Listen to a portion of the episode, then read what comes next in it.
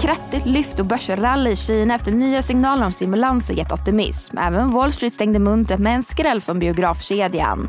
Stockholmsbörsen ser ut att öppna i sidled. Det är tisdag den 25 juli. Du lyssnar på DI Morgonkoll och jag heter Sofie Gräsberg.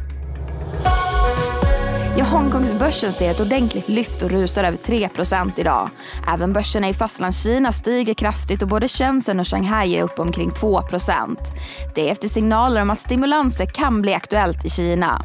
Kinas politbyrå som är kommunistiska partiets högsta beslutande organ säger att man ska genomföra stora förändringar på fastighetsmarknaden med statsspecifika åtgärder för att möta invånarnas efterfrågan på bostäder. Ekonomer på Barclays noterade att budskapen visserligen signalerade ytterligare stöd till ekonomin men det kom inga löften om storskaliga stimulanser. Men optimismen på börsen är stor. Fastighetsjättar som Longfor och Country Garden ser efter månader av nedgångar och kräftgång tvåsiffriga uppgångar på Hongkongsbörsen. Även andra sektorer stärks och i Hongkong stiger Tex-aktierna med närmare 5% men medan Hongkong och Fastlandskina ser ett rejält lyft idag så handlas börserna i Japan och Sydkorea närmast oförändrat. I Tokyo är det fortsatt fordonssektorn som går starkt medan bland annat Uniqlo-ägare och hm konkurrenten Fast Retailing tappar. Muntrare var det på Wall Street där de tre ledande index stängde uppåt. Det blev ett rejäl skräll för biografkedjan AMC som steg 33 procent. Förutom stora intäkter från biohelgen med Oppenheimer och Barbie så underkände en domstol en omstämpling av preferensaktier som annars hade lett till en kraftig utspänning av stamaktierna. Sämre ser det ut för Spotify som backade 4% efter att man meddelat om kommande prishöjningar. Och efter börsstängning så rapporterade vitvarutillverkaren och Electrolux-konkurrenten Whirlpool kraftigt under förväntan. Men upprepar sina prognoser för helåret. Och det är en riktigt rapporttung vecka i USA där omkring 500 storbolag ska rapportera.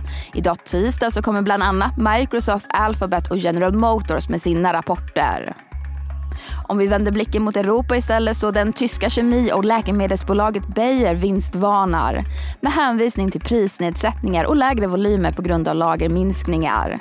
Och på tal om tyska bolag, sportutrustningstillverkaren Adidas höjer sin helårsprognos i spåren av att det sålt delar av de tidigare stoppade Yeezy-skorna.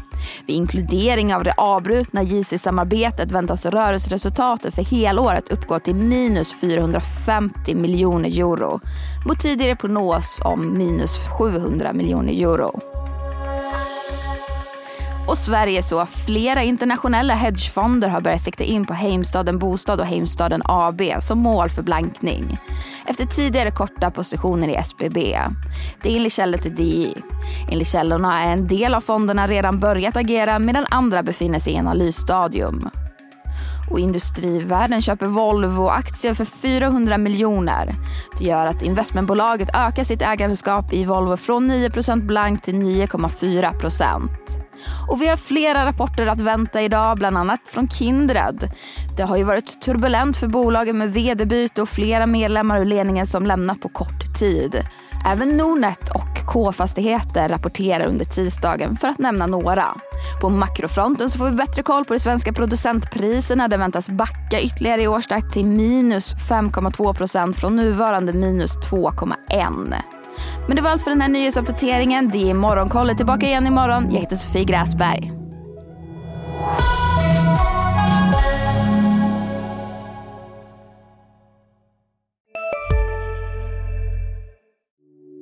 Hej, Ulf Kristersson här. På många sätt är det en mörk tid vi lever i.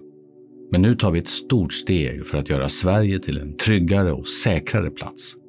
Sverige är nu medlem i Nato. En för alla, alla för en. Expressen gör varje vecka podden Politikrummet där vi djupdyker i det senaste och viktigaste inom svensk politik. Med mig, Filippa Rogvall, som programledare tillsammans med mina vassa kollegor. Och det är ju ni som heter Thomas Nordenskjöld, Anette Holmqvist och Viktor Bartkron. Politikrummet kommer med ett nytt avsnitt varje tisdag. Vi hörs.